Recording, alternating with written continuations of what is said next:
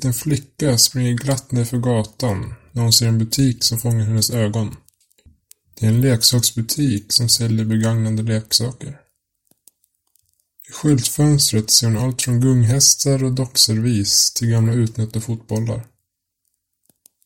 När hon går in genom dörren hör hon en klocka plinga ovanför huvudet. Och en kassörska kommer fram till henne och undrar om hon letar efter något särskilt. Det gör hon inte, utan hon vill bara titta runt lite. Efter en stunds letande ser hon ett tygskynke som ligger över något som ser ut att vara en halv meter högt. Hon smyger fram till den och ser sig om så att ingen ser henne när hon lyfter undan en bit av tyget. Det är en bur. Men vad är i den? Hon öppnar tyget lite mer och ser då en docka sittandes längst in. Vad gör den där? Dockan har på sig en vit klänning med röda detaljer. Dess hy är kritvit och håret becksvart. Hon håller ena handen i ett V-format fredstecken med pekfingret och långfingret. Flickan fattar direkt tycke för den inlåsta dockan och ropar på kassörskan som kommer småspringandes mellan hyllorna av leksaker. När hon kommer fram och ser att flickan tagit bort tyget från buren stannar hon till och stirrar på dockan i vad som känns som en halv minut innan hon säger att flickan kan få dockan gratis. På ett villkor. Dockan måste alltid låsas in i sin bur på natten. Får under inga som helst omständigheter öppna buren förrän solen har gått upp följande morgon. Flickan nickar glatt och tar med lite besvär med sig buren ut ur butiken och hem. Väl hemma öppnar hon det lilla låset i buren och tar ut dockan. Hon leker med den hela dagen till hennes mamma säger åt henne att det är sovdags. Då tar hon dockan och stoppar in den sittandes i buren och låser. Hon går och lägger sig och somnar nästan med detsamma. Men mitt i natten vaknar hon av ett ljud. Hon kan inte riktigt höra vad det är, men det låter som att det kommer från andra änden av rummet, där buren står. Hon tassar försiktigt dit och kikar in i buren. Dockan ligger nu vid burens dörr och ser ut att hålla handen om gallret med sin ena hand. Flickan känner genast en instinkt att öppna buren och rätta till dockan som antagligen ramlat. Men hon minns hon vad kassörskan sagt om att inte öppna buren på natten. Så hon låter bli, går och lägger sig igen och somnar. När hon sedan vaknar på morgonen igen sitter dockan på samma ställe som hon satt den kvällen innan. Hon undrar om hon bara drömt det som hände i natt. Hon tittar ut genom fönstret och ser att solen gått upp. Då öppnar hon upp buren och plockar ut dockan som fortfarande håller upp fredstecknet i sin hand. Men den andra handen, som förut var neutral, ser nu kupad ut.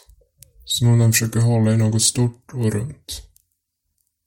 Flickan rätar ut den handen, men låter fredstecknet vara kvar.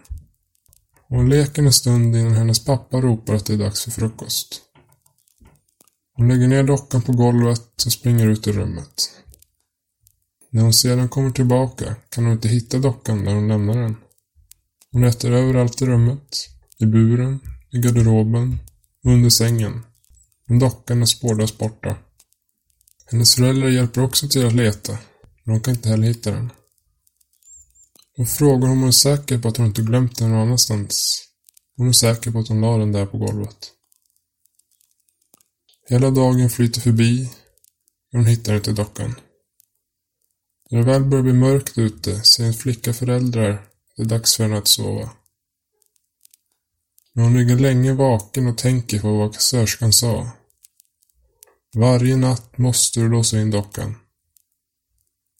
Men efter en stund somnar hon ändå. Nästa morgon, när hennes mamma ropar på henne, får hon inget svar. Efter att ha ropat tre gånger går hon upp till flickans rum och ser att flickan ligger i sin säng med dockan.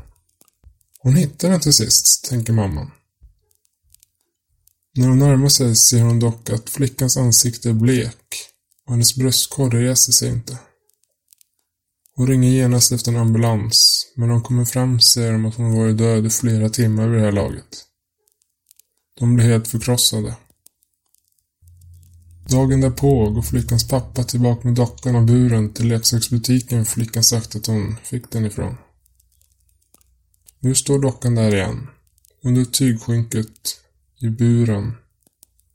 Och nu håller hon upp tre fingrar.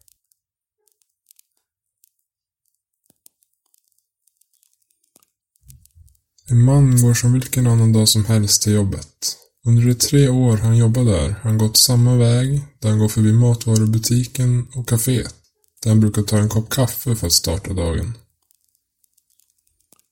Men den här dagen tar han en lite kortare väg till jobbet som går genom skogen. Ungefär halvvägs genom skogen ser han något som sticker ut mot alla träd. Det är ett hus. Han blir nyfiken och går fram till det. Det är gammalt och rangligt och ser inte ut att ha några fönster.